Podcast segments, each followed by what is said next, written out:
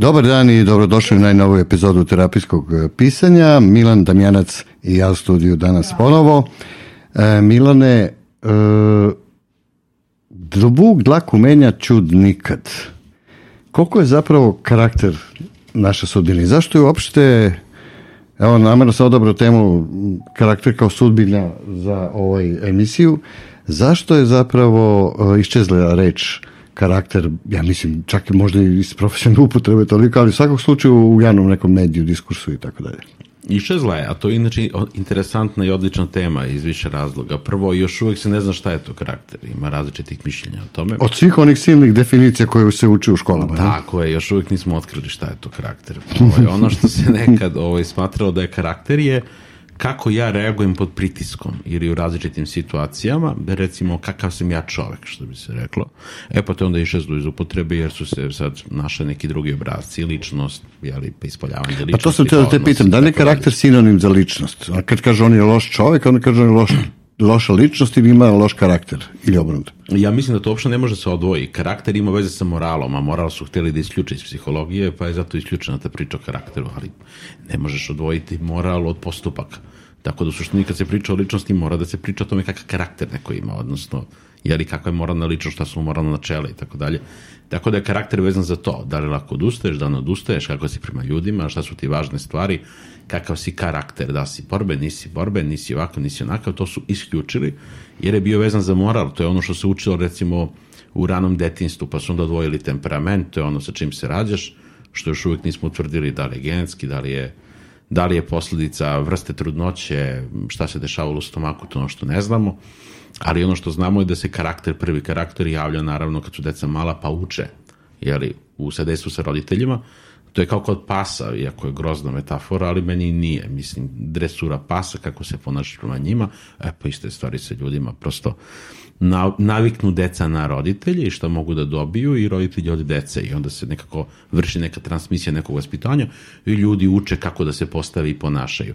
I onda je to isključeno jer se iz vaspitanja generalno isključila moralna osnova, nego sad recimo priča o prihvatanju, o ljubavi, o onome, a više se ne priča o moralu. Tako da u suštini ono što se nekad gradilo je graditi karakter. Znači gradiš karakter da budeš na samo svojna ličnost koja je kritička, koja ume da kaže ne, ume da kaže da, ume da čuva neki svoj lični moral, to se isključuje, da se moral isključuje. Da, to je nevjerojatno kako je to zapravo iščezlo i kako je to zabašurano nekim brojnim drugim kategorijama koje zapravo niko ne zna šta je to. E, danas tu uglavnom imamo psihologija priča o tome da je treba da budemo empatični, da e, ok, priznajemo psihopata, oni su neempati, oni nemaju ništa, da ima cepa prema tome, to je jasno, ali svi ovi drugi koji ne spadaju tu, u tu kategoriju zapravo postup, isčeznuće morala, taj teren e, i priča o karakteru postaje, postaje vrlo klimav zapravo. Jer onda kako mi gradimo, ti si jednom rekao ovdje u emisiji da zapravo suština našeg ljudskog bitistovanja su odnosi. Zapravo, mm. To je ono što imamo i što gradimo ceo život, jel? Ali ja onda mislim da su od, u tom nekom konceptu da su odnosi vezani za naš karakter, kak, kakvi smo ljudi, zapravo to je ključ. Jeste, s tim što ja ne mogu da kažem o nekome da je nekakav da ga ne vidim u nekom odnosu. Ja onda učim kako da se postavim prema ljudima i šta meni treba od ljudi i šta ja mogu njima da dam. E sad, poenta karaktera je u tome šta ja neću i šta ja hoću. Znači, kad se obično radnije govorilo ono karakter je tvoja sudbina, onda je bilo aha, ako znam kakav si čovjek i šta ti nećeš, znam da recimo nećeš da ukradeš jer te znam, na primjer, ili nećeš da nekog povrediš namerno, ili ja, bilo šta tog tipa. A recimo kad pričamo kada već pomenuo se, kad pričamo o psihopatiji, oni nemaju empatiju. Oni imaju neke emocije, znači kao što imamo i svi ostali, ali te emocije su vezane za njih. Znači, oni čuju krivicu kad ne uspeju da te prevare. Tako, ovaj, tako je. A kad uspeju da te prevare, osjećaju zadovoljstvo. Znači, se obrnuto od nas. Tako da je empatija vezana za društveno funkcionisanje. Sad neki imaju, neki nemaju. Ali pojenta priče, uči se kao i sve ostalo. Samo što je karakter izbačen iz upotrebe zato što bi se karakter onda morao svesti na društveno porodične vrednosti. I onda moj karakter se formira i u porodici i u društvu. A nije samo sad pitanje toga pravi ga da bude empatičan, pa nije to jedina stvar. Ti si više puta govorio o ovoj emisiji, sad si mi uh, podsjetio kada si rekao karakter se formira zapravo u odnosima, znači u društvu, posjeduje tu moralno-etičku dimenziju i vrednostni sistem neki koji se podrazumeva. A danas mi se čini, barem poslednjih uh, desetak, 20, 30 godina, da se cela stvar zapravo, mi smo izvukli pojedinca iz društva i uh, počeli smo da ga teramo da se on bavi sam sobom, kao da živi u nekom vakumu. Manje više, jel? I potpuno smo promenili neke definicije i tako je iščezlo taj pojam karaktera, znači uh, koliko je karakter zapravo ključan ili vezan za strukturu ličnosti? Šta to zapravo znači? struktura ličnosti je vezana za, za kontekst. I sad, ceo problem mainstream psihologije u tome što je upravo to što sad rekli. On je izvukao ličnost iz konteksta. To veze sa životom nema. To, ali ja nikad i nije imalo veze. Znači, ne možeš da posmetraš ličnost van konteksta, kao što ne možeš da posmetraš dete van porodičnog funkcionisanja, kao što ne možeš da posmetraš to da li je, ne znam, beba ovako ili onako, van konteksta ponašanja mame i tate. Pa ljudi kad ljubimce šetaju, vi možete da vidite kako ljubimci liče na gazde. Ista je stvar sa decom. Tako da u tom kontekstu šta se desilo? Desilo se to da je utemeljena verzija po kojoj se mi rađamo sa nekim osobinama i te osobine mi dalje samo kultivišemo. To veze sa životom nema. Osobine ne postoje bez nekog konteksta. To nikad nije bilo, ni u filozofiji, ni u jednoj drugoj nauci, da ti možda kaže neko ima osobine. Kakve osobine ima onaj dečak koji je odrastao sa vukovima? Koje osobine ima? Zašiljuje zube i jede, jede, jede žive životinje. Ili recimo deca koja su u sirotištima odrasla bez roditelja. Oni to su dobar, dobar primer. Da mislim da se vidi to kako kada nestane zapravo por, onog izvornog porodičnog gnezda zapravo kako ta deca seti se za doba nacizma Lebensraum odrast, odrastali su jel e, država ih je vaspitala znači praktično otac i majka su isključeni iz procesa još dok su, su bili bebe znači, to se potpuno e a koliko ima znači ta veza e, kada kažemo karakteri sudbina, e, Danas mnogi to negiraju, primetio sam, kao to nije tačno, to je ovo, to je ono, karakter je podložan promenama, e, u smislu, ja to ne mogu da, da shvatim, znači da ti kao nekog lošeg čovjeka sad preko noći možeš napraviš dobro, ga dojedeš ga na neku terapiju, on će bude dobar posle nekog vremena. Otuda ona e, uvrežena stara izreka da Vuk dlaku menja, ću neka. Ta čud koji, i to sam te da te pitam, znači, jezuiti su svoje vremena, ovaj Loyola je njima uh, govorio, znači dajte mi dete do pete godine, napravit ću njega što god hoćete. Tačno. Ima kod nas dve izreke koje su zanimljive. Jedna je ta, u dlaku menja, će od nikada, druga je samo kamen se ne menja. To su onako baš lepe kontradiktorne da, izreke. Da, da, da, priča. E sad, ja lično mislim da karakter može do, odnosno, ajde usko rečeno, ličnost može da se promeni prilično, ali pod dva uslova. Jedan, da se potpuno izmakne iz svog konteksta. To je vrlo važno. Jer ti ako si u istom kontekstu, to je kao onaj moj prijatelj koji se zamonašio, pa je promenio kontekst. Pa sad, jel, promenili mu ime, promenili mu oblačenje, prijatelje, navike, ceo život i sad on nije mogao da ostane isti. A drugi vrlo važan kontekst je da mnogo, mnogo, mnogo dugo radi na tome i da ima jasan cilj u jednom trenutku on ima takozvani prekid, odnosno gleda sebe popuno drugačije nego što je gledao pre. Sve druge promene koje ljudi prave su ili manje, ograničenije, ili promene u suprotno. Znaš što, ja mislim, ja sam nekad duboko verao u ideju da čovjek ne može da se menja, nego da može da se adaptira do izvesne mere. E sad, ovo je interesantno, to što si rekao, E, naročito prv, prvi deo kada si rekao da je zapravo e, kad ga izmestiš iz konteksta da su šanse za promenu veće. Jesu. E sada, da li to znači, recimo, znam e, i po meni i po drugim ljudima, recimo, koji su odlazili na terapiju, sve to super, ali on kad se vrati u svoj, u svoj kontekst zapravo, onda opet toliki pritisak zapravo, e, kako, kako bi ti to objasnio? To, to je ključna stvar. Znači, šta je stvar? Kad se ja izmestim iz nekog konteksta, ja to uglavnom uradim da bi zapravo, e, mislim, bit će mi bolje ako odem u Nemačku. Pa ću ja tamo da budem neko drugi, neću biti ću isti, samo ću da zaboravim na probleme godinu dana. Međutim, kad se ljudi već menjaju, pa imaju neke promene, lakše im je da promene kontekst, jer onda u tom novom kontekstu oni mogu da budu bolji. Naprimer, ja na poslu, recimo ako nemam, ono, nisam se dobro postavio za sebe, ne umem da se branim, ne umem da se zauzimam, ja čak i da to naučim, nikome ne zarezuje za ozbiljno. Odim na novi posao, tamo me ne poznaju, ja se tamo postavim drugačije od početka i sve super funkcioniš. E sad, stvar sa terapijom je što ako ti pomažeš čoveku da postavi recimo granice, da se drugačije postavi prema drugima, da postane druga osoba, okruženje ne da neće da podrži, nego će aktivno da se trudi da ga vrati nazad. I imao sam baš simpatičnu situaciju, ovaj, držao sam neku ovaj, edukaciju ovaj, budućim terapeutima koji tek sad kreću na kurs i onda sam im pričao baš na ovoj temi, kako je krivica ključna stvari, kako je krivica nešto je, što ne može se izbegne i na terapiju u životu i onda kad rade sa klijentima treba da znaju da momenta kad klijent treba da se menja, on treba da prođe kroz ogromnu količinu straha i kroz ogromnu količinu krivice. Znači, sad vi gledate, smanjite tu krivicu i taj strah, ali da će da prođe, proći će.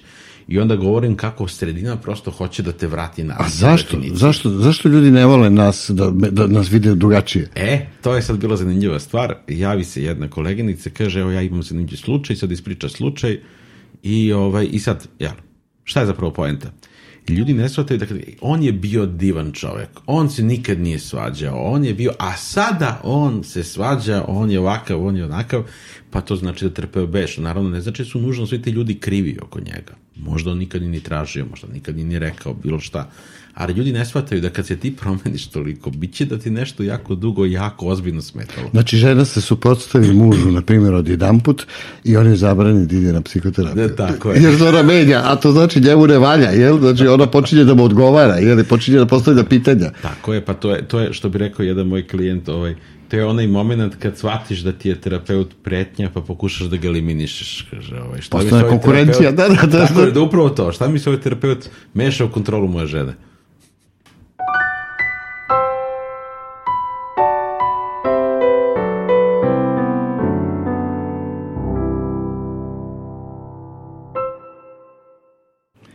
Za ovu priču vezanu za karakter ima još jedna interesantna izreka koja se meni jako sviđa. E, to kad si govori o kontekstu, znaš, vraćamo se u neki naš kontekst i taj pritisak na stalno melje, da zapravo, i zato u mnogim slučajevima, očigledno, recimo, terapije raznih vrsta zapravo postoji neko utočište i uteha za ljude koji odu tamo, opuste se, isprazne sve emocije i tako dalje, ali onda opet se vrate i opet isto.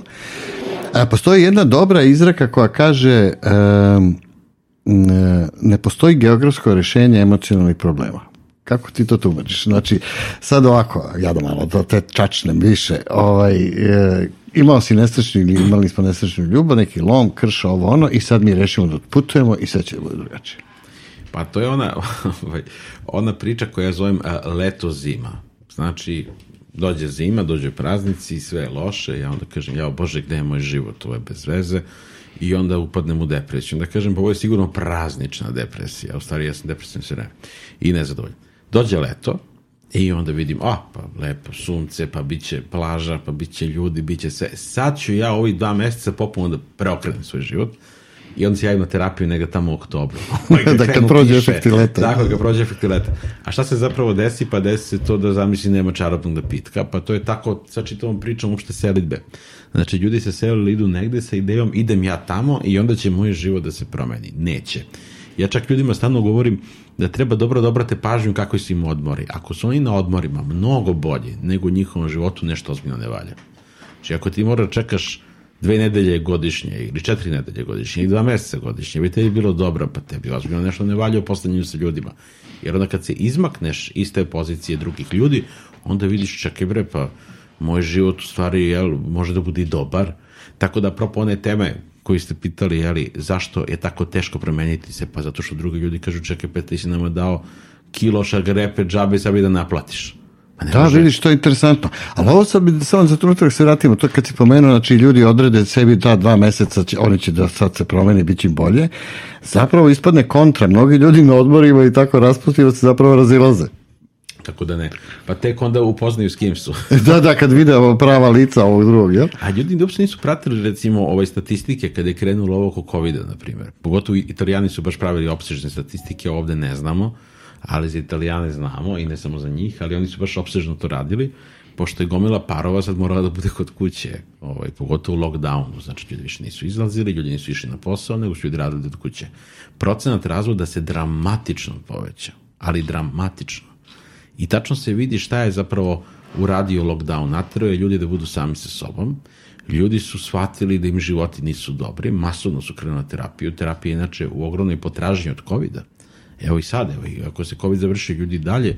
Da, da, to su očigledno takav krši lom je bio... U... Jeste, ali zato ljudi kažu istraumirani su. Nisu oni istraumirani, nije samo to, nego je veći problem u pitanju. Istraumirani su klinci, to, to oni su prosto našte lično njihovo odrastanje škola, to možemo zamislimo, ali e, nisu odrasli istraumirani, nego su odrasli prvi put ostali sami sa sobom. To je ono, ostani sam sa sobom da upoznaš sebe E pa kad su krenuli da kopaju po sebi, malo se isprepadali svi do jednoga, jer onako ti inače život zatrpa, da propo te priča o karakteru.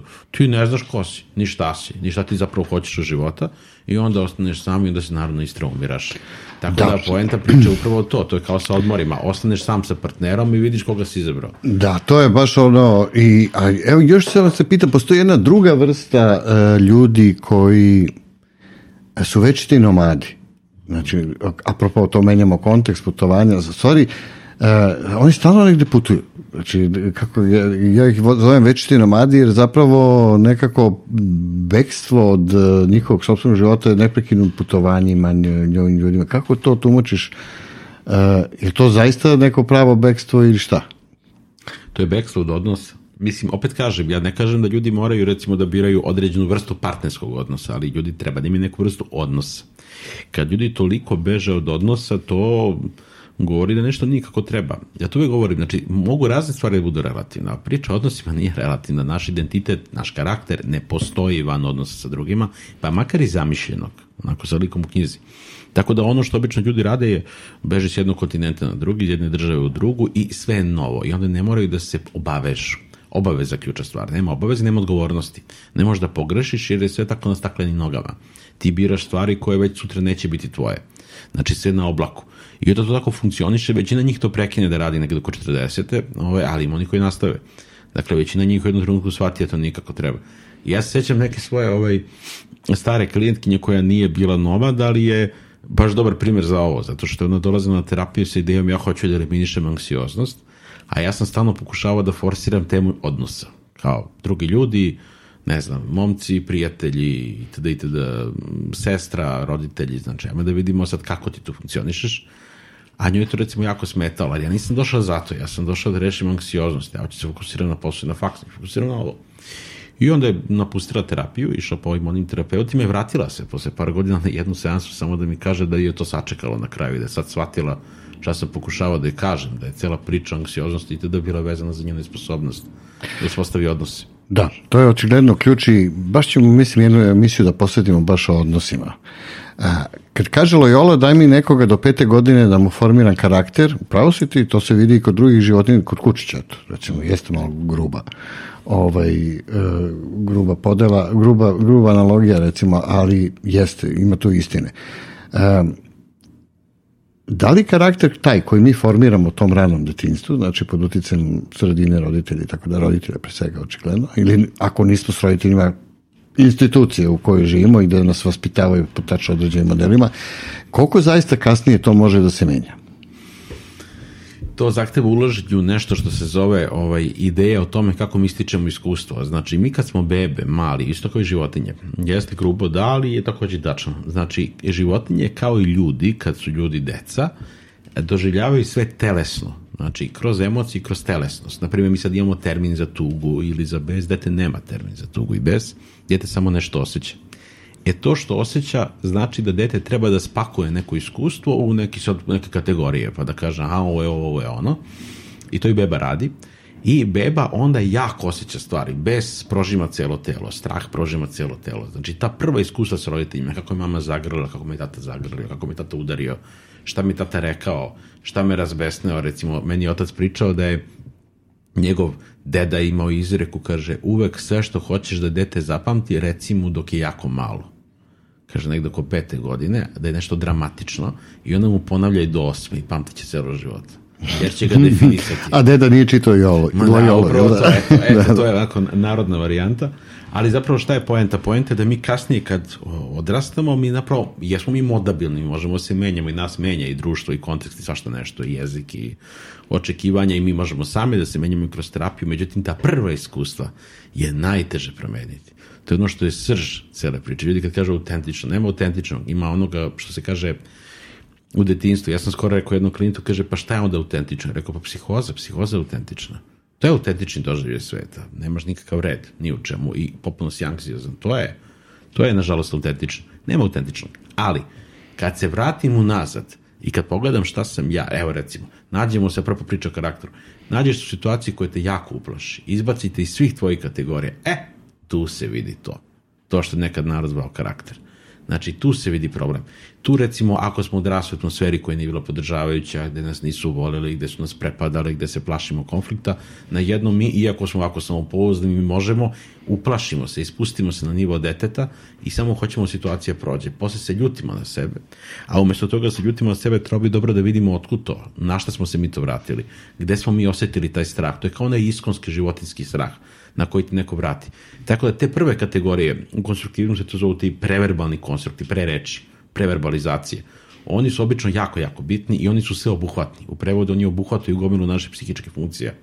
Tako da u tom kontekstu to su kao neki prvi obrazci koji te vode kroz život. Sad ti njih da bi promenio, uf, to treba jako se naučiš. Da, da, to očigledno je, da, to su znali ovi koji smo sad malo precitirali, dakle, da je e, beba, odnosno uzrast do pete godine, ti to sigurno mnogo bolje znaš iz razvojne psihologije i to učio si vjerojatno mnogo detaljnije, e, je zapravo ti rani obrazci, da, oni se protežu na mnoge neke stvari i zapravo njih je najteže menjati. Suštinski je to najveći problem zapravo. U stvari, Da li je to uopšte problem? I jeste i nije. Zavisi kakvi su. Zavisi od konteksta. E, ima jedan, možda sam ga i pominjao, ovaj, e, jedan, ajde kažemo, austrijski poreklom poljski filozof i psiholog Vaclavik. Gomila njegovi stari ušlo u, u, u ono, upotrebu, na primjer, ono, samo ispunjuće proročanstvo, to njegovo. E, ali recimo jedna od boljih stvari koje je napisao je bilo ono što te nekad spaslo, sutra možete zakopa. To je on napisao sa onim uh, kako beše, ono što je danas problem, nekad je bilo rešenje nekog drugog problema. Naprimjer, ja sam bio mali, pa me tata plašio, pa sam ja razvio anksioznost da mu čitam potrebe. Ja moram da znam kako on raspoložen da me ne bi, na primjer, udario. Jel? I onda ja odrastem, 20 godina kasnije, i ja to radim sa svima stalno sam anksiozan, gledam šta kome treba i onda nema mene u odnosima i to me i napravi problem. I onda dobijem diagnozu. Da, i onda te proglase da si udovoljavajući karakter. Tako je, i onda, e, upravo to. I onda mi daju neku etiketu, a zapravo šta je tu karakter? Pa to je karakter, nastalo u odnosu sa roditeljima. Tako da, modabilno je to donekle, modabilno i skroz, a bi osoba morala ozbiljno da zakopa, onako i da podnese salvu krivice od okruženja, odbacivanja i ostali stvari, jer recimo ta porodica sigurno neće da uživa u takvu jednu da, kad postaneš, počne postavljaš glupa pitanja, jel, i da yes. se suprotstavljaš nečemu da čačkaš nešto, da čačkaš mečku koja je već odavno prošla, jel. I onda dolazimo do ove čuvene rečenice koja sada je često moderna, jedna je odvratna, ali moram ponovno da kažem da budem bolja verzija sebe, što god to značilo, a druga je prihvatim onako kakav sam. Ne znam se ko je gora. I, jer, jer sam te čačno. Od koje bi ti počeo? Pa, ajmo, ajmo od ove prve. Ovaj, to znači da postanem bolja verzija sebe. To, razumijem šta to znači. To je ono kao što ja zezam pa kaže morate da volite sebe. Voliti sebe znači prihvatiti i svoje trenutna ograničenja. To je pod jedan. E, sad ova priča o tome biti bolja verzija sebe. Dobro, a bolja za koga? Bolja kome? Šta to znači verzija sebe? Koje mi to, kako mi to sad verziju krenemo? Da, da li ja mogu sada da budem Darko 2.0? Tako je. Skoro sam ovaj, otišao u, u pozorište i gledao sam neku predstavu i sve vreme razmišljam, Bože, ovaj, kao, ok, hoćeš da kritikuješ Dostojevskog, to je popuno u redu. Znači, imaš neko delo, hoćeš da ga kritikuješ, ali onda tu kritiku treba da nasloviš tvoja kritika Dostojevskog, pa onda to staviš kao komad ili da prikažeš Dostojevskog, odnosno to delo, pa onda na kraju da daš svoju kritiku, a ne da menjaš delo kako tebi padne na pamet i da popuno nešto izbaciš, ubaciš. Prepisuješ e, i dopisuješ. Tako je, ali zašto je meni to, to, to sad ovde dobar primer? Zato što sve vreme, šta hoće autor dela? Hoće da kaže Dostojevski je promašio, nema dobrote u svetu, nema lepote u svetu, to je popuno sve bez veze, svi smo mi grozni. Šta je zapravo time autor hteo? Autor je hteo da kaže, vidiš kako sam ja pametan. Ja sam video nešto Dostojevski nije šta je autor uradi, u stvari uradio, učitao je kulturološki nihilizam. Danas ništa nema vrednosti, sve je popuno bez veze i sve je katastrofa i nema nikakve dobrote i on je to samo učitao na predstavu. Znači on nije video kako se on učitao s aspekta kulturoloških vrednosti, samo je učitao jednu predstavu. Ja se vratim na ovo, postani bolja verzija sebe. To je u redu ako ti odlučuješ koja verzija treba postaneš. Ono što uglavnom ljudi rade je Šta znači napraviti bolju verziju sebe? Šta kultura kaže šta je bolja verzija sebe? Biti uspešan, zarađivati velike pare. Da ti se ljudi dive. To nije bolja verzija tebe. To je bolja verzija društvenog tebe. Nema nikakve veze sa tobom. To je samo da budeš više konformiran u društvu. To je isto kao kad Evo sad recimo bojici imamo neke pratioce i tako dalje. Što više imaš pratioce, imaš različite ljude. Ti onda pađeš da pričaš, neko da se ne uvredi. Gde će, šta će, ti se konformiraš. Iste priča sa ovim, budi bolja verzija sebe. Pa bolja verzija sebe može da bude bolja za tebe, a ne za druge. Znači da praktično budeš bolji kameleon. Pa? Da, naravno, da, da. to je pojav. Gura se priča kao budi bolja verzija sebe u smislu budi bolji za nas. Zarađuj više para, mi da ti zavidimo. A da ti recimo da isto budeš dobar za tebe, pu, ne moramo mi to da prihvatimo. To je kao ta priča o autentičnosti. Budi autentičan, ali onako kako mi to kažemo. Znači, budi Po na- autentičan, po našoj meri, da. Tako je. A Ili kako se propisuje očekuje tebe, da. A ova druga kao voli me tako kakav sam, to je već jedna onako infantilizacija koja je nažalost, mislim, opet, ne infantilizacija kao sram nas bilo što to hoćemo, nego infantilizacija, mislim na to da društvo podržava takvu jednu infantilnu izjavu. Ali jako je teško boriti se protiv tih e, i očekivanja i stereotipa drugih. I tu se mnogi konformiraju na, na veliku muku. Ja se sećam kad sam e, došao na fakultet da predajem prvi put. I sad je napravljen prijem. I oni, ja sad razmišljam što da obučem, znaš, za tu sad priliku, znam da je neka svečana prilika, otprilike nisam idiot, znam, znam da neka očekivanja postoje i onda se odlučim da obučem pantalone, jedan sako, košulju, neka, onako, sportski styling, malo elegantniji, ali onako, znaš. Dođem tamo, a tamo svi u odelima, teget i crna, kravate, a sve profesorske obučene kao pevačice. I sad ja u čudu, znaš, i sad vidim ja da štrčim. I sad tu me pozove jedan kolega, kao da me upozna sa ovim profesorima, kolegama, i predstavimo se i tako dalje. A ovaj jedan me gleda, kaže, i kao šta vi predajete? Ja kažem, kreativno pisanje. Hm. Malo im to bilo čudo, ali dobra ide. A onda jedan gleda me gleda i kaže, a, pa kaže, vi ste se obukli u skladu s predmetom. šta je teo da mi da excuse? Kao, da me opravda, dobro, ja kao jesam profesor, pripadam tom plemenu, ali malo štrčim. Znači, da, Ekscentrik, ekscentrik. da, da, možda malo da povedem računa. Jeste, jeste. Pa to, to je to kao, budi autentičan, ali nemoj samo da budeš autentičan ako se nama, nama ne sviđa. To, to, Tako da to je, to je, nažal, te društvene očekivanja ljudi ne vide da imaju. Ja i ne kažem da mogu sva da se eliminišu, daleko od toga, mislim, mi živimo u društvu. Ali ljudi uopšte ne shvataju da kad kažu ja sam pojedinačna osoba, ja sam individua, ja sam autentičan, ja sam bolja verzija sebe, nisi, samo se uklopio. Da, si se samo si se dobro adaptirao. I to je zapravo najveća opasnost, zapravo što mi danas samo adaptiramo ljude i to zovemo velikim uspehom. Naravno ti treba se adaptiraš do nekle, ne treba budeš lud pa dođeš glavom u zid. To je jedna priča recimo iz eh, onog konstruktivizma koji se odnosio na decu, na razvojni period, Piaget i Vigotski. To je ta priča o tome asimilacija i akomodacija. Gledaš gde se akomodiraš, a gledaš gde treba da asimiluješ svet u svoj vrednosti sistem. Znači, pravilna ličnost, uslovno rečeno, znači strava ličnost radi jedno i drugo. Nezdrava se sve vreme samo akomodira ili samo asimiluje. Jer puće ti glava, to ono Chesterfieldovo, neće, neće pući glava umetniku. Pući glava matematičar, hoće da spusti ceo svet u svoju glavu, to neće da ide. Ali je poenta ovde u tome što mi uopšte ne vidimo kako nas društvo oblikuje. Modabilni smo ekstremno, kupujemo iste stvari, marketing važi za sve, svi radimo iste stvari i onda zašto da pričamo o karakteru? Jer kad smo pričali o karakteru, mora pričamo o tome da recimo ja ne pristajem na ovo, a ti ne pristaješ na ovo. Ne, vrlo je važno da se pričamo da smo svi različiti, a da svi ne pristanemo na iste stvari. I da svi pristanemo na iste. To je ključna stvar. Ljudi se prave kao modelu, kao fabrika i samo izbacuješ. Osobe izlaze ist. Ti sada znaš recimo tri politička stava određene osobe, čak ne mora politička, tri stava bilo čemu, možeš da prepostaviš 33. A to je zaista zastrašujuće. To jeste zastrašu, zastrašujuće i onda nekako mi se čudno kalemi ta ideja, znači, koja je sad postala isto, čini mi se baš popularna, a to je ono, ja sam takav kakav jesam, ne on, moj karakter je takav. Znaš onaj vic kad idu ovaj, žaba i škorpija, poplava se neka napravila velika. Znaš te vic?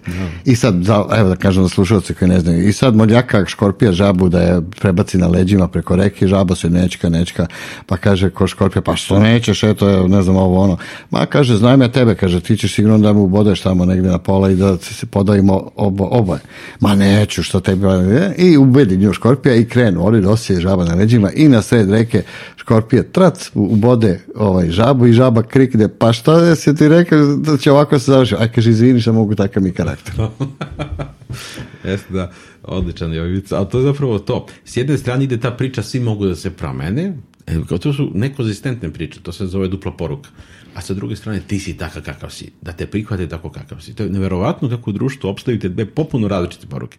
S jedne strane, svi smo promenjivi. Karakter nije tvoja sudbina. S druge strane, ako te nije prihvatila tako kakav si, šutiraj to odmah nađi drugu. Jel? I Tako to je je. popuno neverovatno kako to funkcioniše zajedno. A zapravo funkcioniše zajedno da se prodaje.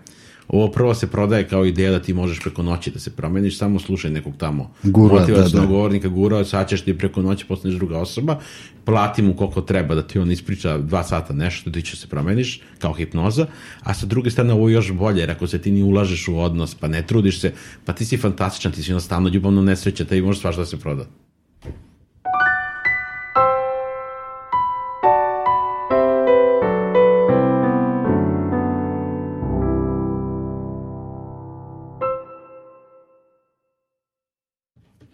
Dobro, e, to, to su neke naše stvari kad kažu karakter. E, meni se to dopadalo, ja sam nekako odgojen u toj tradiciji, e, naš čitaš knjige, studije karaktera, ovo ono, ja sam jako volao Froma recimo, e, ono, anatomije ljudske destruktivnosti, studije, studije karaktera onih različitih, znaš, ono, Himmlera, Hitlera, Staljina, koga sve nije tamo obradio. To je vrlo interesantno kako obrađivao te korene, te kontekste društvene detinjstva, što, što se tu nalazilo. To je baš zanimljivo.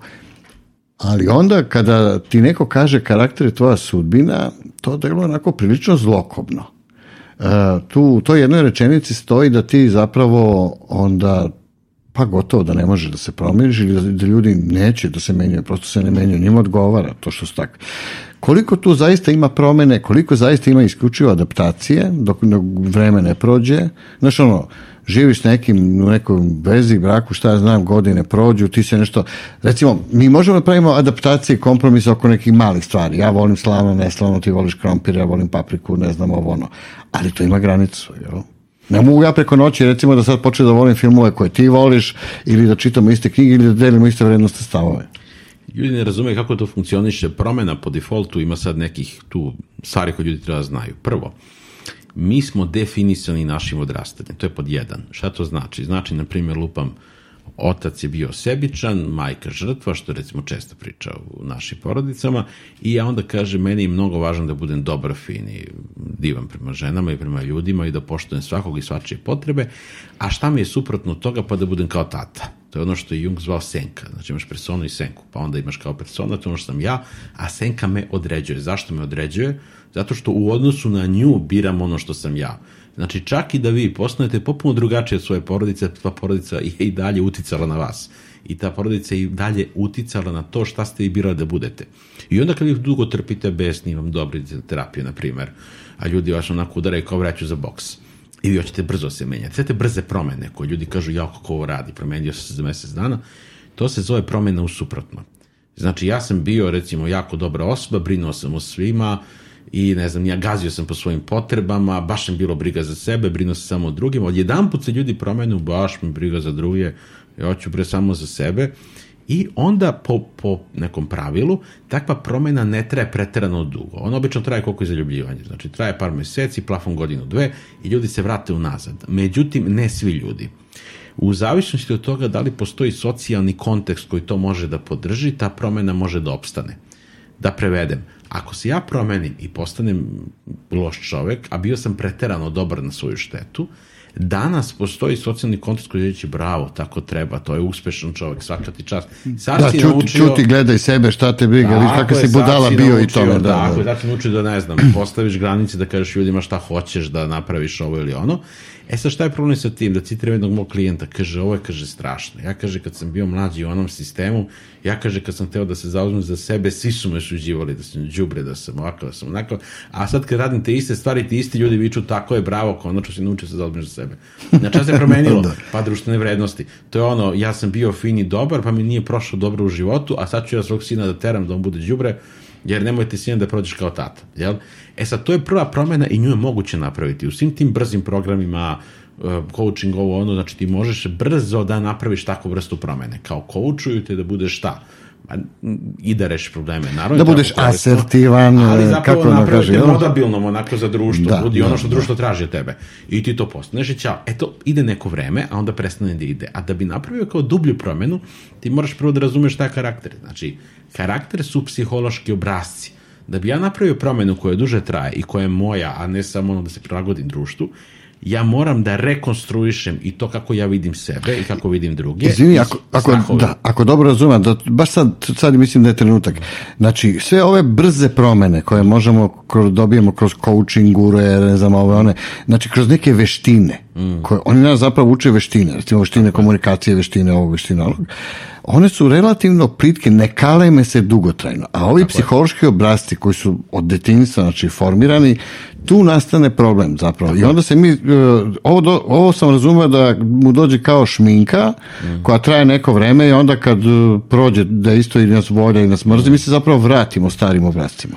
Najčešće. Najčešće tako, ovaj, iz prostog razloga što da bi se ja zaista promenio, ja moram ovako da kažem, ha, moj tata je bio takav i takav čovjek i neću tu da budem, a ja sam ovakav, to isto neću da budem, pa ajde da gradim nešto novo i to nešto novo zahteva da ja lepo prošišam ceo svoj život unazad, pa da pogledam, pa da otvorim stare fioke. Pa to je mnogo naporno. Pa, mnogo je naporno. Pa onda da, jel, pa kažem, pa recimo mi u terapiji imamo to, ajde naslikaj tog nekog sebe, ajde napiši tog nekog sebe, ajde vidi kako bi se taj ponašao, pa kako bi ljudi reagovali, pa ja bi osjećao krivicu, bi osjećao... Da, to mi često u terapiji pisimo tu konstrukciju životne priče, zapravo iz raznih uglova, znaš, tako, tako da ovo... Jer ti zapravo tu menjaš skript, menjaš životnu priču, menjaš to šta hoćeš da budeš, menjaš životni smisao, a ovo što se radi nije to, ovo je, e, ovo što ti radiš to ne valja, postani kao ono što nisi hteo da postaneš. Pa da si hteo to da postaneš, da bi to dano bio. I ti onda postaneš kao tata, ali ljudi aplaudiraju tome. Na jedan put je mnogo lepo i mnogo fino i to ide neko vreme. E sad, koliko dugo će to da traje? Pa onoliko koliko postoji socijalni aplauz. Znači, socijalni da. aplauz je to ključna stvar, a danas se aplaudira tim stvarima. To je nevolja sa tom vrstom promjena. Evo recimo, znači, evo imamo muškarca koji recimo mnogo volao žene, šoljao vama tamo, e sad dođe brak.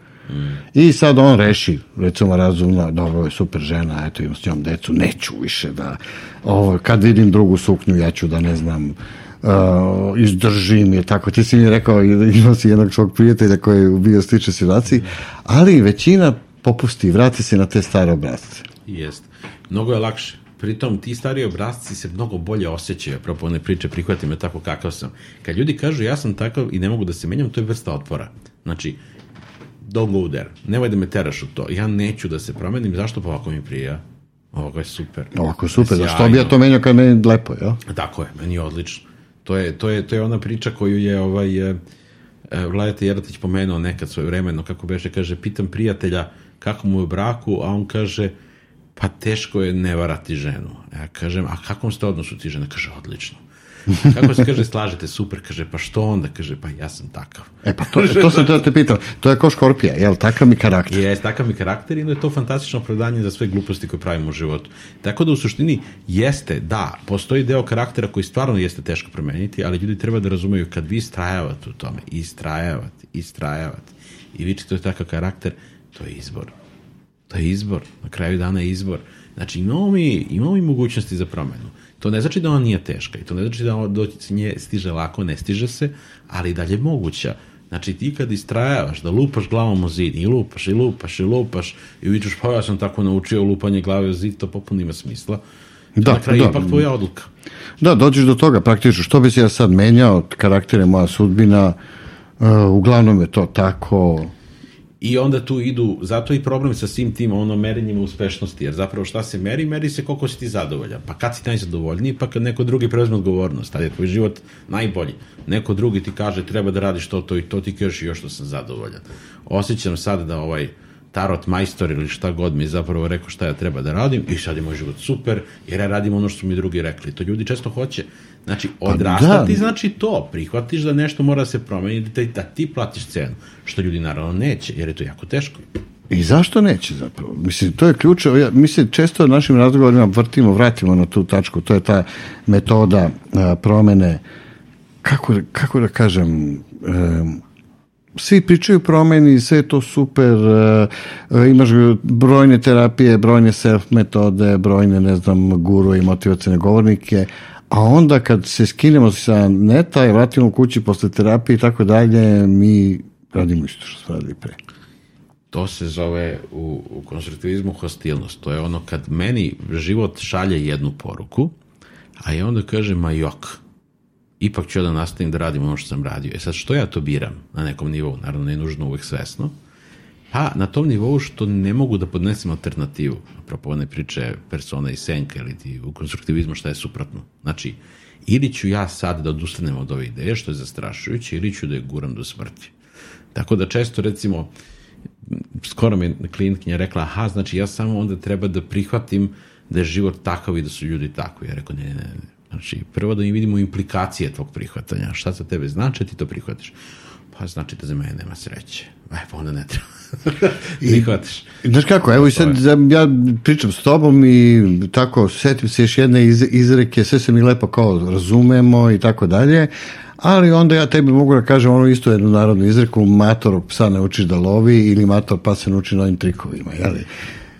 To je takođe tačno, to je što su ljudi stariji, to se teže menjaju. Naravno, to dosta zavisi od kulture, recimo, u našoj kulturi kad dobiješ decu, prilike čekaš smrt, gledaj televizor do smrti Pa čekaj, to mi- to. mislim da čak i Jerotić u onoj svojoj psihologiji ličnosti rekao da preko 50 ili 60 zapravo ljudi ne, ne, ne, više ne, ne vredi da im radiš psihoterapiju, ne mogu se proveriti. To je, to je Okoštaju. to je, to je jako zanimljivo koliko je to kultura upala, isto kao i ono teorijama učenja, kao ljudi uče do određene godine, a onda im pa, padaju kognitivni kapacitet. Evo, ja nikad bolje nisam učio nego sad, šta ćemo sad?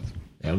Tako I ja isto, znači, što to, su matoriji, pa to je još bolje. Pa to, pa nema nekakve veze, nema veze sa psihičkim stanjem. Oni su faktički merili psihičko stanje, jer kultura utiče na to. Tip, bio je pre par godina Japanac neki na trgu, ne znam ste naleteli, koji je svirao na njihov tradicionalni instrument, Deka, da skratim, moj prijatelj ovaj, studira japanski pa pričao sa njim, Deka ima 98 godina i obilazi svet. Završio tri fakulteta i dva doktorata i planira da, da uči pecanje. Znači, šta ćemo sad? Gde su njegovi kognitivni kapaciteti? Jesu otišli? Šta kaže razvojna priča o kapacitetima? Tako da ta priča o promeni zavisi od toga kako kultura gleda na određene ljude i koliko si ti u stanju malo da kritički posmatraš svet oko sebe i sebe. Da ne uzimaš baš sve što ti se plasira zdravo za gotovo. Jer mi moramo da budemo sve što nam kultura kaže, pa ne moramo. Ne kažem ja da je lako odbiti to i da je lako to promeniti. Naravno da nije ali treba da se trudimo da imamo, da malo razviješ kritičko mišljenje. Ne moraš da Ja, upadaš ja moram da ti kažem, stalno. da, ja pripadam, uh, ja zaista duboko verujem da čovek uh, uči dok je živ, uopšte nije za mene nikakva prazna floskula, nego istina, i da možeš da se menjaš apsolutno dok si živ, znači taj odnos uopšte body-mind, znači možeš da utičeš do izvesne mere i jedno i drugo. Evo ja sam živi primjer, ja sam u 50 godina potpuno bio promenio karijeru, znači od nule sam počeo, ne od nule, nego od minusa. Ovaj, uh, I živi sam dokaz, znači, dok si, dok ti duh živ, znači dok si ljubopitljiv, dok si zainteresovan, možda ti ne možeš da trčiš 100 metara, ne znam, jurišaš na rov ili već ne znam šta treba da radiš fizički, jeli? ali uvek imaš druge načine, a pre svega um mora da ti radi. Ja sećam, moj otac je imao, odnosno očuh je imao uh, Alzheimera i sećam se jedne doktorke koja, kod koga smo ga vodili, koja je uvek bila ljuta, tako sam ne stekao neki ucak njega, zato što je iz priče s njim i iz nama shvatila da on čovjek ništa ne čita, ničim se ne bavi i tako dalje, intelektualno govorim. I onda je ona, svaki put kad dođemo tamo, odnosno kad treba da odemo, meni je rekla, eto, to je zato što on njegov ništa ne čita, mu nije aktivan. Ja sam to zapamtio, znači koliko mi je bila simpatična ta žena, ali zaista ima to očigledne Ma kako nema, pa ja sam imao dedu ovaj, koji je, nažalost, poginuo, nije preminuo, ovaj, klasično se kaže prirodnim putem, ovaj, koji je, sa koliko, on je mm, poginuo sa 70 i nekom, recimo. On je čitao knjigu dnevno. To je neverovatno kako je njegov mozak radio. Znači ima navik, ima veliku biblioteku u podrumu i onda sedi i čita ceo dan. Ovaj, međutim, šta je tu interesantno? To kad ljudi, recimo, hoće da se menjaju, oni zaboravljaju jednu stvar. Ako mi sad kažemo, ti si, recimo, previše, ne znam, dobar čovek ili previše radiš protiv sebe ili treba postaviš granice, lupio sam sad, jel? Treba da uradiš to i onda ljudi kažu, a jeste, kaže, u pravu si, onda se vrati na staro. Zašto se vrati na staro? Zato što njima definicija toga da odstupe od toga je da postanu kao, na primjer, neki zli roditelj iz njihove priče i onda će veliku krivicu i kažu, e, ipak znaš šta, ja sam takav, neću da se menjam. Ono što je mnogo teže da se malo priča o tome, pa da se nađe neko treće rešenje, a ne da se stalno ide između, ili, ili, ili. Misliš, on nije svestan praktično tog... ne, Ljudi uglavnom nisu svesni, zato je važno da osveste. Znači, u teoriji, kad ja kažem dobro, možeš da postaviš granice, ljudima se zauzmeš za sebe, ljudi kažu pa dobro, postoji način da to uradiš, ne budeš sebičan, ali u praksi ne nalaze ga, jer u praksi se vrate, to je priča o karakteru.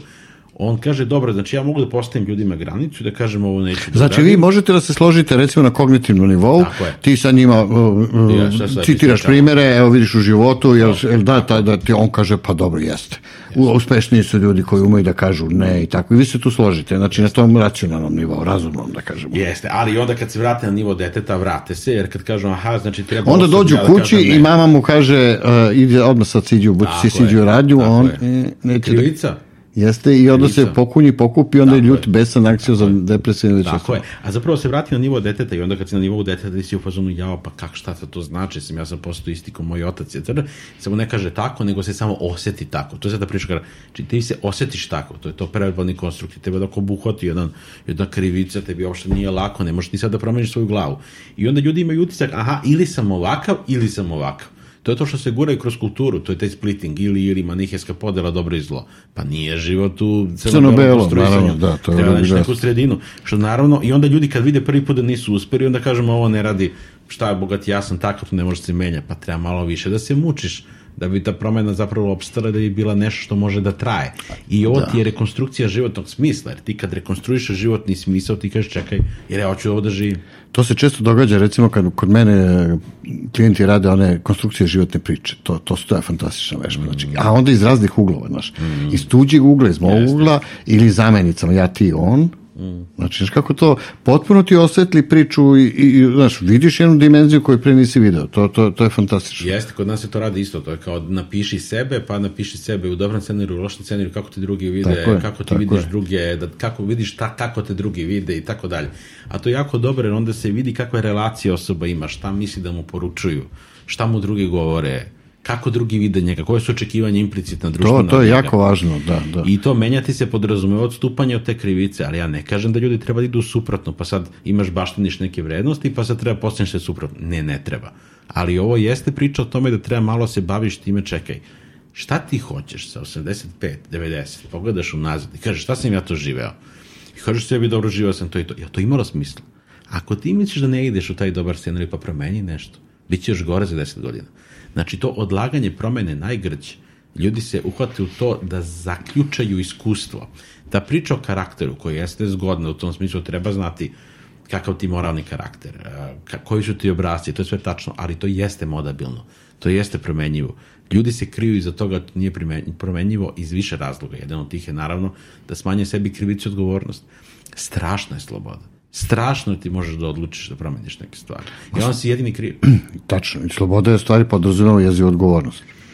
zastrašujuću, pritom su to ljudi koji obično nisu voljeni u porodici, koji nisu naučeni da prihvate odgovornost, koji su naučeni, nema slučaj si pogrešio, sad će glava da ti leti, i sad oni moraju kao odrasle osobe to promene, inače progutaće im život godine, progutaće im život, videće kako su ostarili preko noći, a ne, ne osjećaju se dobro, nije to, nisu ništa uradili, pa šta to uopšte znači, jel? Nego ne osjećaju se dobro. Treba da urade nešto da bi se osetili dobro. A da bi to mogli, moraju da prođu kroz neku vrstu frustracije. Ja ti ljudima stalno pričam, ako niste u stanju da izdržite frustraciju, vi niste u stanju da bude dobro u životu. Znači ti ako nisi u stanju kratkoročno da izdržiš frustraciju, dugoročno si loš, dugoročna katastrofa, dugoročna depresija. Jel to znači da ja i volim često da upotrebljavam taj izraz da to zapravo suočavanje sa svim tim, sa frustracijom, sa izdržavanjem, da je to zapravo šivenje rane naživo? Jeste, to je ono baš to. Moraš da šiš rado naživo i moraš da izdržiš to. Što uopšte nije. Ja uopšte ne kažem da je to lako, to se od antike, antike znalo, to ona priča e, neispitan život nije vredan življenja. Znači, moraš da ispitaš i da se potrudiš da bi ti zapravo postao individu. A ovo što se forsira preko medija, svi ste vi individu, to je laž, to je prodaja robe. To je potrošačko društvo, to je ono, ti si individua, kupi ovo pa će budeš srećan. Ne, individua znači ti si dugo radio na tome da od sebe napraviš nešto. Znači ti sad nešto radio. I ti sad naravno nisi najsrećniji biće na svetu, nekad si tužan, nekad si srećan, ali imaš neki životni smisao, ideš u nekom pravcu, ne bojiš se ponovo da počinješ. Znači to je to, mlaci. I sa 90 i sa 80 tvoj život ima nekog smisla. Bez obzira na bolove, na muke, na stradanja koje su uopšte Što ljudska je stvar. deo života, mislim, Naravno, e, to mora se prihvati. A onda što ti kultura viče je budi srećan i izbegni bol. Pa kako ćeš to da uradiš? Pa ko je ikad izbegao bol? Pa ako kreneš da izbegavaš bol, pa ti ćeš da završiš u nezamislivoj patnji. Pa tvoj život, pošto se stalno menja, on će ti šalje još bola, još bola, još bola. I ti odlagajući bol, ti ćeš na kraju da završiš u patnji. To na lao ceova. U životu bol ne možeš da izbegneš, patnju možeš. Ako probaš da izbegneš bol, dobit ćeš duplu patnju. To je, to je prosto to. Znači, ne možeš, postoji patnja discipline i postoji, s jedne strane, jeli, Znači ti se patiš tako što se disciplinuješ i postoji patnja toga užasa, znači dugoročno patnja životna. Znači ako ti nećeš sada da radiš nešto na sebi, dugoročno ćeš biti u katastrofi. Tako da priča o karakteru, priča o otporu. Neću da se menjam, ja neću, ja hoću, ja hoću da se svet prilagodi meni. Ne može. Kao što ne treba i ti skroz da se prilagodiš svetu i da izgubiš sve što si ti, pa ne treba čekaš da svet prilagodi tebi, to neće da se desi. Često čujem, imam neke prijatelje koji kažu, ja mislim tako i tako, ako to nije tako u životu, tim gore po životu. Pa to ono Hegelovo, ne, ne šta, tim gore po činjenice. Mislim, to je onako jedna, jedna, ja ne kažem, mislim, ja bih rekao da u suštini sve velike promene, to ljudi ne razumeju. Znači, sve velike promene koje su se desile u svetu, desile su se od takvih ljudi. Ili da crknem, ili da bude kako sam ja rekao. Ali, to ima smisla samo u društvenom kontekstu kad je promena moguća. Ljudi stalno govore, ali evo vidiš kako si ti veliki ljudi, pa jeste, rekao, na jednog velikog čoveka imaš milion koji su zatvorili ludnicu. Šta ćemo sa njima? Neko piše knjige o svim tim ljudima. Jer neko piše knjige o svim tim prorocima različitih religija koji nikad nisu postali proroci religije, nego su ih zatvorili, ubili, bacili. Znači mora da postoji jedan društvena mogućnost da ti ispoljiš nešto svoje. Znači kad ja kažem da se prilagodiš, prilagodiš se do nekle. Od nekle kažeš ne sviđa mi se ovo društvo, borit ću se protiv tu, tu i tu, pa ću tu naći neki smisao, a nemoj da lupaš glavom o zid, da će to tebe da košta.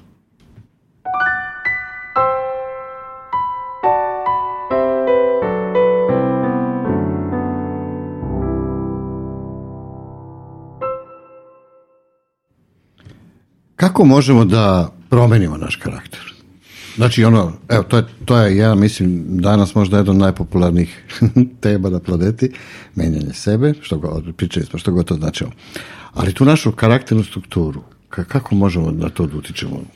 Prvo, refleksija je tu jako važna. Mi živimo, recimo, danas jako brzo, uopšte se niko ne pita. Evo, skoro sam imao baš zanimljivo neko, neki dijalog, kaže, ovaj, nešto pričam, nije važno i sad ide ona priča kao kako se stvari menjuju, kako ljudi dođu na genijalne ideje. I onda kaže, pa ljudi dođu na genijalne ideje iz muke. Kaže, ne treba ljudi mnogo da ostaju sami sa sobom. Ja rekao, to je popuno budalaština. Znači, ljudi dođu na fantastične ideje iz muke, jer samo kad se mučiš ti se menjaš, ali za velike ideje, ono kaže, uvožen veliki slikar, postaneš veliki umet, pa tebi treba dokolica. Ne slobodno vreme s televizorom, nego dokolica. Znači, treba ti vreme kad si ti kreativan. A tako? Znači, imaš neko vreme pa ti razmišljaš o stvarima. Kant šeta u isto vreme oko kuće, pa razmišlja, pa napiše kritiku čistog uma. Jel? Prilike to. E, šta je stvar? Stvar je da ako ja hoću nešto da promenim kod sebe, ja moram da kažem čovječe, ali imam ja neko slobodno vreme u danu kad se ja bavim sobom? To je ključ koji ja često pominjem mojim, mojim, ja baš juče na webinaru smo govorili. Ključ svake terapije, kakva god, koja god bila, ključ e, svakog mm. pisanja, slikanja, joge, terapije, ovo ono je da počneš se baviš sobom, aman zaman. Imaju ovaj, u Indiji sjajnu izreku, kaže, dovoljno je, kaže, dnevno da radiš 10 minuta meditacije, ti bude dugoročno bolje. Ako nemaš 10 minuta, znači ti treba 15. da, da, da. to, je, to, je, to je baš onako lepo jedna stvar. Znači, izdvoji vreme kad nećeš gledati film ili bilo šta, nego ćeš sesti i reći šta sam ja danas, to znači filozofska vežba iz antike koja je jako zgodna. Kaže šta sam ja danas uradio, kako sam se ja danas ponašao, šta to govori meni o meni, šta to govori drugima o meni. Odlično su to pitanje, ja to govorim klijentima da zapišu dnevnik. Naravno. Znači, počnu da komuniciraju sa sobom. Apsolutno, i onda kaže, čekaj, odakle mi to? Uplašio sam se. Odakle mi taj strah? Jer to ima veze s mojim porodicima, to ima veze s mojim odrastanjem, to ima veze s ovim. Dobro. Šta ja mogu sad? Kako ja to mogu drugačije? Mi treba pomoći, ja mogu sam, jer ovo je Znači, ako hoćeš da se menjaš, ti prvi, prviš kosi. Znači, ti moraš prvo da kažeš, čekaj bre, šta ja radim svoj životu? Ono što im se ja susrećem je da ima dosta ljudi koji to umeju i znaju i da se zaglave. I kažu, vidi, ja bi da se promenim, a mi teško sam, hoću da mi neko pomogne, a ima i drugi koji uopšte ne razumeju kosu nikako se ponašaju, refleksija nula, a to što društvo to gura. Samo ti juri slabu ovo, ono i nema da se pitaš pa, naravno, šta živiš. Kome je potrebno uopšte ljudi koji postavljaju takva pitanja? Tako, pa ljudi koji misle su najveća opasnost. Znači, tako, uvek bili. Ljudi koji misle, tako uvek je. Bili, ljudi koji misle su problem, jer onda mogu da dovedu pitanje neke stvari. Ovako samo slušati se priče, čao. Kako dakle da čovjek, znači, uh, govore ti da si slab karakter, recimo, aj nećemo da kažemo loš ili dobar. Nego najčešći problem je tu nastane kad kažu baš sam ja, ili ti sam sebi kaže, eto viš danas sam opet po kilo sledila da baš sam slab karakter. Kako može čovjek da radi na svom karakteru da poboljša performanse sebi? Slab karakter je... Mm, Slab karakter je izgovor za uh, verujem da mi neće ništa biti ako popušim dve kile cigara danas. To je to. Znači, slab karakter je ja sam naučio da ne moram da se disciplinujem. To je slab karakter. To je, to je cijel... I sad, ako ja hoću da ga promenim, ja moram da vidim šta ja to hoću za cele te priče. Pa onda kad kažem, dobro, a jel, jel to ljudima stalno to govorim, kaže, kako kaže da znam koja je odluka prava? Ja kažem, jednostavno nema je. Kaže oni, pa dobro, kako da znam da neću da se kajem za odluku? Ja rekao, pa ne možeš da znaš. Ali kako onda da odlučim? Pa odlučiš. Rekao, lepo, kažeš, evo, to ću da uradim i onda vidiš šta će da bude. I šta ljudi obično rade? Ja pušim cigare, kaže, i ovaj, doktor mi je rekao da previše pušim. Rekao, dobro. A bi ti rekao, hteo da živiš duže? Kaže, joj, da, kaže, ja, ja bi, kaže, se osjećao užasno da nešto dobijem od cigara. Pa rekao, što ih ne ostaviš, kaže. Pa, možda si ne razbolim, ima ljudi koji dočekaju 85. E, to je zapravo ključna stvar. Znači, nije kako sam mogu da popustim sebi, nego, ma neće mi biti ništa ajde bogati. Naravno, ima ljudi koji su fazonu, slušaj, meni je bitnije da pušim cigare ili ne znam ja šta, nego da živim dugo. Ima toga, a tu onda treba kopati da se vidi što je to tako. Nego neko da nateram tu da menja ako neće. Ali mogu da vidim, čekaj, šta sad to znači kod ovog čoveka. Možda to ja sam umetnik, ja volim to tako, a možda je zapravo neka vrsta parasuicidalnosti. To je ono, radi Dobro, ali možda čovjek nešto jednostavno ima, ima stav, recimo ja pripadam takvima, koji misle važno je kvalitet života, ne koliko da. će da živi. Mislim. E, a to je opet nešto kulturološki. Znači, najvažnije u životu je zdravlje. Nije. Pa to, to kažem, nije. da, šta to znači, znači to, uopšte? Mislim. Ne znam, to je jedna, to je jedna priča kao... Ovaj, no, svi tako pričaju o tome i svi vrši pod pritiskom i onda žale nekoga, eto, on siroče, ima 30 godina, umro od raka pluća, nikad nije puši i žive zdravo.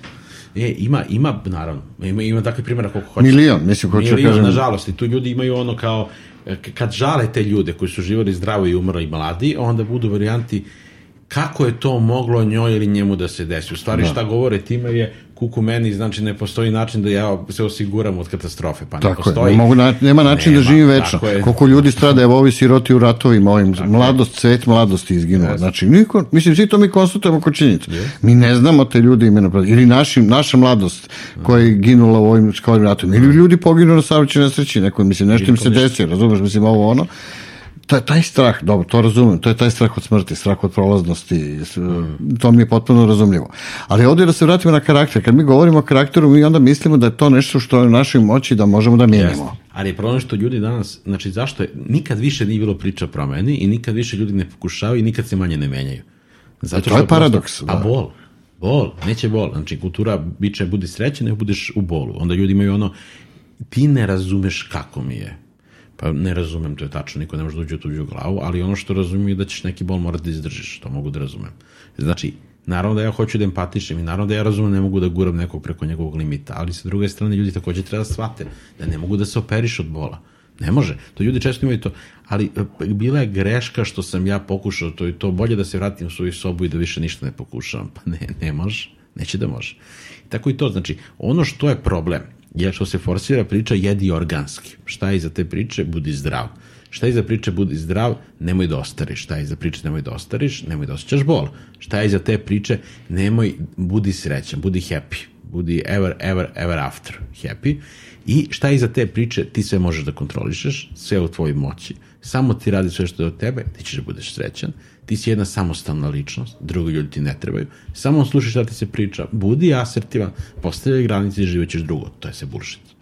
to, to je ta, to kad se sad citirate skup veoma neobičnih i racionalnih uverenja, a koji se prodaje kao vrlo racionalna. Vrlo racionalna i pritom ti ljudi na kraju završavaju jako nesrećni, bez odnosa sa drugima, bez bilo kakvog smislenog kontakta, bez, ja to stalno pričam, eto konkretno tamo i deda koji je poginuo i sad šta je prva stvar koju je prokomentarisao naš rođak, pošto on poginuo na jedan vrlo bizaran način, ovaj čovjek je bio star, ušao u autobus, autobus je krenuo i odneo ga, mislim, to je, to, to je zastrašujuća priča bila.